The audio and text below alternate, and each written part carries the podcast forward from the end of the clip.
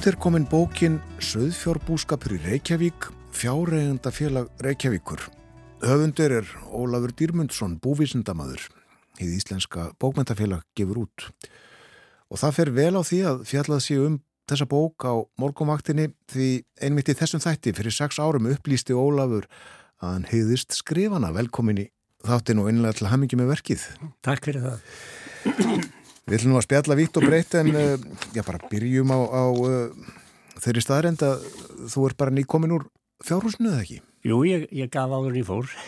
Ég gef kválsamotna. Já, já. þannig byrja allir dagar hjá þér? Já, allir dagar byrja á því. Og svo líkur þeim á því líka kannski? Já. Já, já. En uh, meira þessu á eftir, en, en fyrst svona almennt að bókinni, það er farið yfir sögu sögufjárbúskapar í höfuborginni frá hvað miðri 19. öldu það ekki? Jú, ég reyndi að fara svona nokkuð vel aftur eftir sem heimildi lifðu. Já, og svo uh, er þessi saga, uh, saga sögufjárbúskapar uh, að einhverju leiti stóru kannski líka, stóru kannski reyndar samófin sögu fjárregendafélags Reykjavíkur. Já, mjög svo. Og það er orðið gammalt félag, það er, stopnað 1927 þannig að það er að verða núna annan desember er það að verða 96 ára gammalt. Með eldstu félögum? Það er með eldstu félögum og þetta er merkilegur félagskapur þá var náttúrulega fleira fjö í Reykjavík, það var, anna, það var vel á annað þúsund þá átt eftir að fjölga svo meira í kringum 1960 en þetta var svona merkilegt félag og það voru þá bæði bændur á lögbílum og svo svona tómtúsmenn, svona fjárregendur víða um bæin, bara, í, bara mjög víða, þannig að þetta var mikil hópur sem stopnaði þetta og mjög fjölbreytilegur hópur og svo kynntist ég þessu sjálfur, þessu félagi, ég byrjaði að kynntu 1957, þá er ég ekki náða 13 ára fermingu. Hvernig kom það til? Það kom til þannig að ég flutti, að fórölda mínu flutti inn í Voga, inn á Skeiðarvog og þá var, voruðu komin í jæðarinn á túninu Hálóðalandi og bílinu Hálóðalandi, þar sem sólimablokkinnar voru síðar byggðar. Og þar byggði ég daldið kofaða hús sem var þrýsinu fjórir stærð úr, úr, úr bara rusli frá byggingum frá, með félaga mínum sem var tveimur árum eldri. Svo vissum við ekkert hvað áttum að gera við, við húsið, vorum við að selja sér vinnuskur en þá stakk Lárus bóndi á Hálflandi upp og því að við bara fengjum okkur kindur. Hann var sjálfur með kindur og, og, og hann var það stýttast í búskap þar en, en við hann gæti ekki selgt okkur neinu löm það hösti, það var það sentur og við, við fórum sögur í Fossvóð þar sem að fæði minn þekkti eitt fjáraugandan og hann selgt okkur tvær gimbrar og þannig hófst fjárbúrskapurinn og við vorum saman í fjögur ár með kindurnar en síðan kefti ég af honum og, og eftir að vera búin að vera á Hálóland og einni niður við Ellidorfog þá var ég rekin og náttúrulega undan byggðinni. Og þá fór ég í fjárborg sem var, var, var stopnuð 1959 og hún stóð við Breitholtsveg þar sem að hreinleitisvöru fyrirtæki tengi stendur núna. Og þar var byggt upp heilmikil fjárhasaböðu, ég segi frá þessi bókinni og þar fór ég upp í 40 kindur þannig að ég var alveg nokkuð gildur bundi á svona mentarskóla áraunum byggði þar fjárhus og hlöðu og, og svo hef, hef ég bara alla tíð átt kindur í Reykjavík um, um skeið í Kópavogi tölvert mörg ár í Kópavogi og núna undan farið 30 ár hef ég verið bara með þær í breyðvöldinu heima hjá mér Já. með leifi borgaráðs Já það hefur ekki verið nettið þessan. Það hefur gengið mjög vel en svo eru, ég er sem sagt þar en, en svo eru 11 litlar fjárhjarðir í fjárborg, þar eru félaga mínir allir, hinnir og uh, við erum samtals með, þetta eru 12 hjarðir í Reykjavík og það, þetta, við erum uh, með um 180 vetrafóðraðar kindur, það er nú ekki meirinn það. 180 kindur já. sem eiga, eiga heimili og varnaþingi Reykjavík? Já, já. Og fjárborg er núna... Uh, hún er í Holmseiði og hún, hún er Hún var í raun og veru, við fengum aðstöðin í fjárborg 1970 eftir Söðfjárstríðið. Hér var hörkurstríð út af Söðfjörnu frá 1962 til 1970 og ég tók virkað þátt í því. Það er eina stríði sem ég hef tekið þátt í dagana. En við fengum, friðarsamningurinn var fjárborgarsamningurinn frá 1970 og það átt að útrýma fjernu en það tóst ekki. Við stóðum í þessu stríði og það hafiðist og og er fyrir fjárborg. Þú fjallar auðvitað um þetta stríði á í, í, í bókinni. Segð, segð okkur aðeins meira frá því.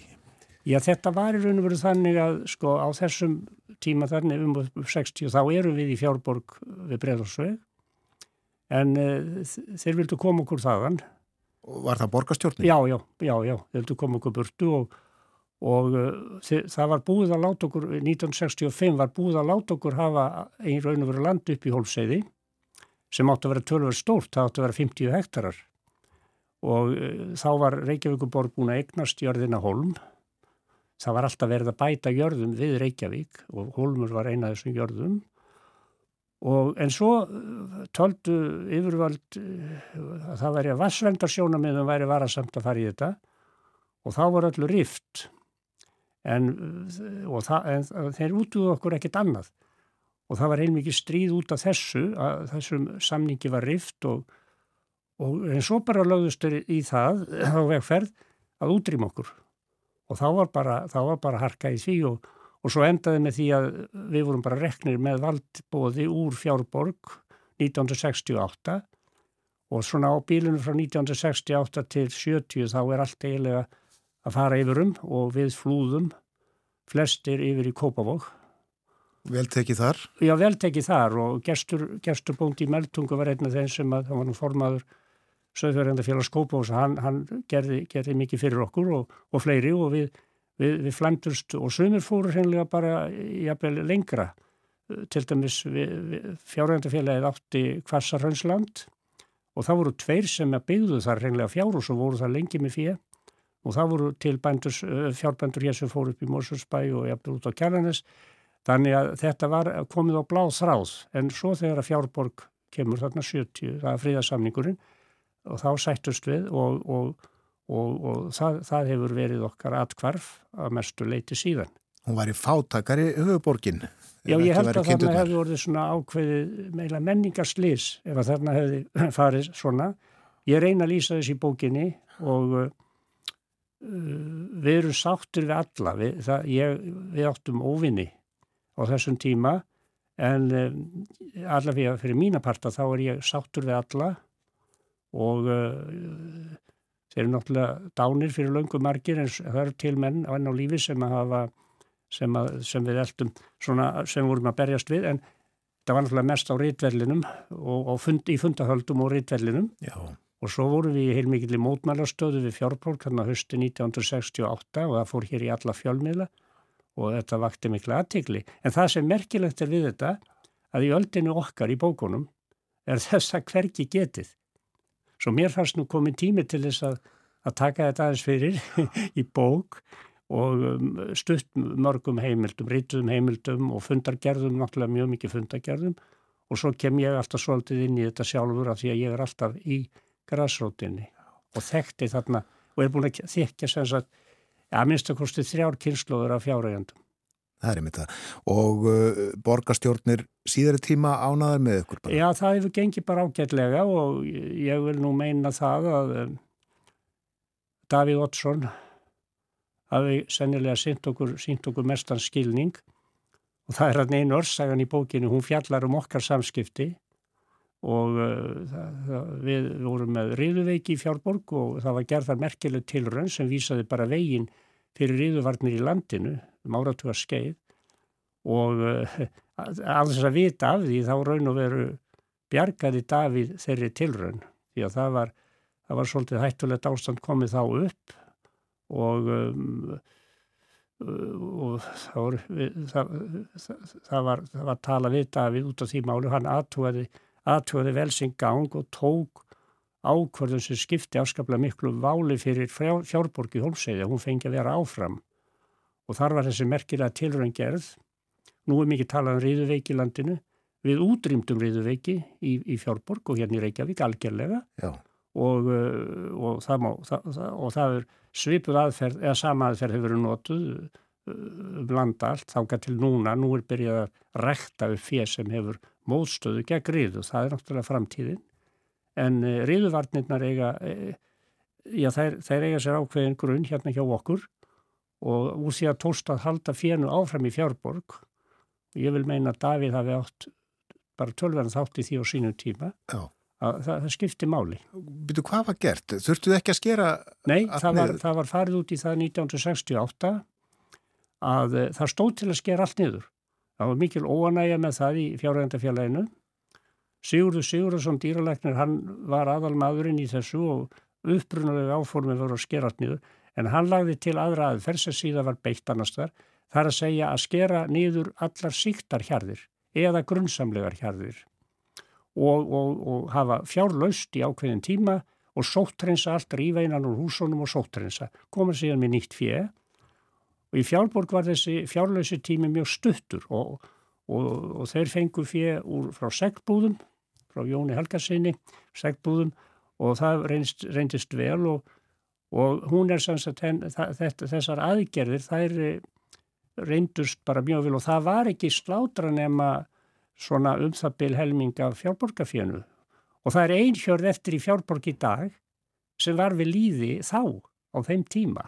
En hún er bara einn, það er bara einn eftir.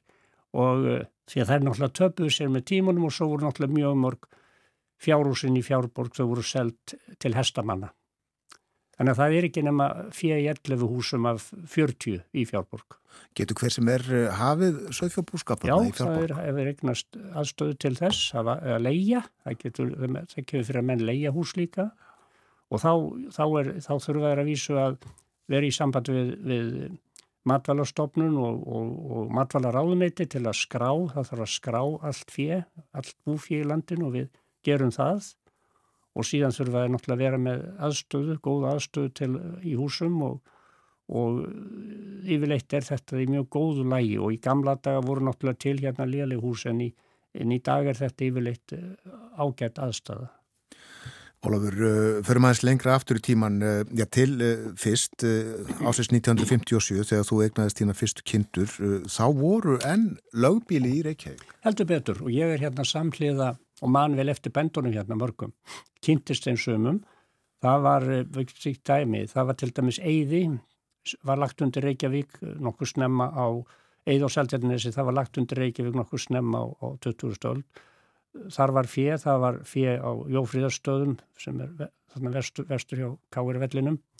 Nú það var fjö náttúrulega hérna á bústöðum, skamt frá okkur bara margt fjö hjá Ragnari og bróður hans Ólavi Nú það var og klömpurum lengi mjög gott fjárbú og sko fyrsti formaði fjárhændafélagsins hann bjóð á klömpurum og Július Maggi læknir merkur maður og kom hér vikið og sög í borgarmálefnum. Og uh, síðan eru til dæmis í Breitholt náttúrulega þar er, þar er búskapur með fjö landabú, þar hólmur uh, það er ártún vænt fjárbú í ártúnum. Eh, síðan var á Kleppi, það var vænt fjárbúi á Kleppi til dæmis að þegar fjárhændafélagi stopnað og eh, svo, síðan sko bættist Gufunes og Reynisvatn og Gravarholt, það bættist Reykjavík og þá komu þeir með og já, Holmur já, hann var, hann var komin, eh, hann er komin inn líka, þannig að þetta eru þóknum margar gerðir og, og svo einnig í Kópavogi, Fífukamur til dæmis, Vassendi og fleiri þar. Já. Þannig að við erum þarna sko settið sambland af, af, af bændum og lögbílum og svo okkur hinnum sem vorum svona utan lögbíla. Svona var staðan þarna uh, kringur 1950-60? Já, já, alveg, alveg framöndu 70. Framöndu 70? Guðunes er stærsta fjárbúið hérna á milli 60 og 70. Hver stort? Það var með á 1500 með fjölda rossum og, og hann búin að farga kúnum en hann var ágættu bóndi og einn önnursagan í bókinni hún fjallar um samskiptu okkar Þorgis því hann, við rákum saman með honum og fleirum síðasta stóra reksturinn til Reykjavíkur úr Hafravarsrétt því að það var okkar lögrétt þá. Og það segir sáði í sögunni hvað hann var til þess að því að ég var gangandi. Og þá var hann með tóti reyðar og hann þegar við vorum komni hérna niður í holmseðina rétt niður fyrir þessi fangilsið núna þá spurði það mig góðlega, ert ekki, ekki vanur hestum? Og ég saðist vera vanur því norðan húnarsíslu þar sem ég hefði verið hjá uh, skildfólki mín í sveit lengi og þá rétt hann mér annan hestin með bandbistli og ég gerði tvítæming og skellti mér á bak og reyði í bæin og við fórum alveg með fjöð skræðsat nýður í breyðhalsrétt sem rétt, uh, var rétt í Bljársugróf. Skiluðum allur reksturinn þangað síðdeis hver einustu kynn sem við fórum með um morgunin og við vorum, við vorum sjö sem rákum þetta. Já, það var rétt við blesugrófuna. Já, það var stór rétt. Já. Og það er hluti að sögu breyðhóls í bókinni vegna þess að það er breyðhólsgyrðingin, gríðarstór, 300 hektar gyrðing sem er, sem er, sem er tekin í nokkuð 1933 sem var bara stórvirki og hún fekk að standa alveg til 65 þegar það var að byggja í breyðholtinu og neðst í gyrðingunni, skamt frá það sem að skyndibitastafurinn staldrið er, þar var þessi feiknarlega rétt. Og það hefur einhver aldrei verið skrifan eitt um breyðholsgyrðingun og breyðholsrettin en ég nota tækifærið í bókinni. Fyrir núna, og er með, er með persónulega minningar frá þess allu já. þannig að þetta, þetta, var, þetta var stórfælt og þegar að sem fæst, flest þá eru, þannig kringu 1960 þá eru á fjórðað þúsund vetrafóðuraði kindur í Reykjavík og ef við tökum með Kópavóg sem sagt Kópavóg, Seltjarnes og Reykjavík sem er með sameigilegt upprækstarfélag sameigilegan afrétt, það voru um 5.000 vetrafóðuraði kindur á þessum árum, svona kringu 1960 Það er dágótt sap það var bara eins og í bara stórum reppi út á landi. Og við vorum með langstæsta fjárflesta dilkin í Hafravarsett og hún stóð alveg til stóð, Hafravarsett stóð alveg til 1985 Hvað rétt af uh, söðfabændur í Reykjavík í dag? Þá er það forsvallarétt og hún er í lækjabotnum hún var upprunnulega byggð þar 1955 svona sem svona sundudráttarrétt og rúningsrétt en við gerðum hana lögrétt 1986 þegar Hafravarsett var horfin Þeir eru á 11 saður er það ekki eftir? 12 með mér 12 með þér? Já Hefur fjölkað eitthvað nýlega? Eða, eða... Það kemur alltaf fyrir það einn og einn og það kom, það kom einn nýri fyrra. Já. einn hætti í haust. Þetta er svona, þetta er svona lítil hreyfing á því. Flestir eiga hesta líka sem er í fjárborg. Flestir fjáröfjandur nú svo er svolítið að fyrir í Kópavogi. Það er, það er bara á vatssenda það er, er svolítið. 50 kindur þar. En Seltjarnanes hefur verið fjárlös síðan 1966 þar byrjaði riðan á sínum tíma og það var fargað öllu þar 66 og, og, en, en það kom aldrei ríða í fjárborg fyrir en eftir 70 og en, eins og ég sagði á þann þá tóstað útrýma henni og það var mikið að þakka Sigurði Sigurðarsinni dýralagni og Davíð Átsinni og Davíð kom við sögu og það er sagt frá því í einni örsögun í bókinni. Já, þetta er ljómandi fín bókjaður Ólafur og uh, gaman að uh, blaða í henni. Uh, þarna er auðvitað mikil saga uh, og þetta er saga Reykjavíkur að einhverju leiti líka. Þetta er hluta því, já.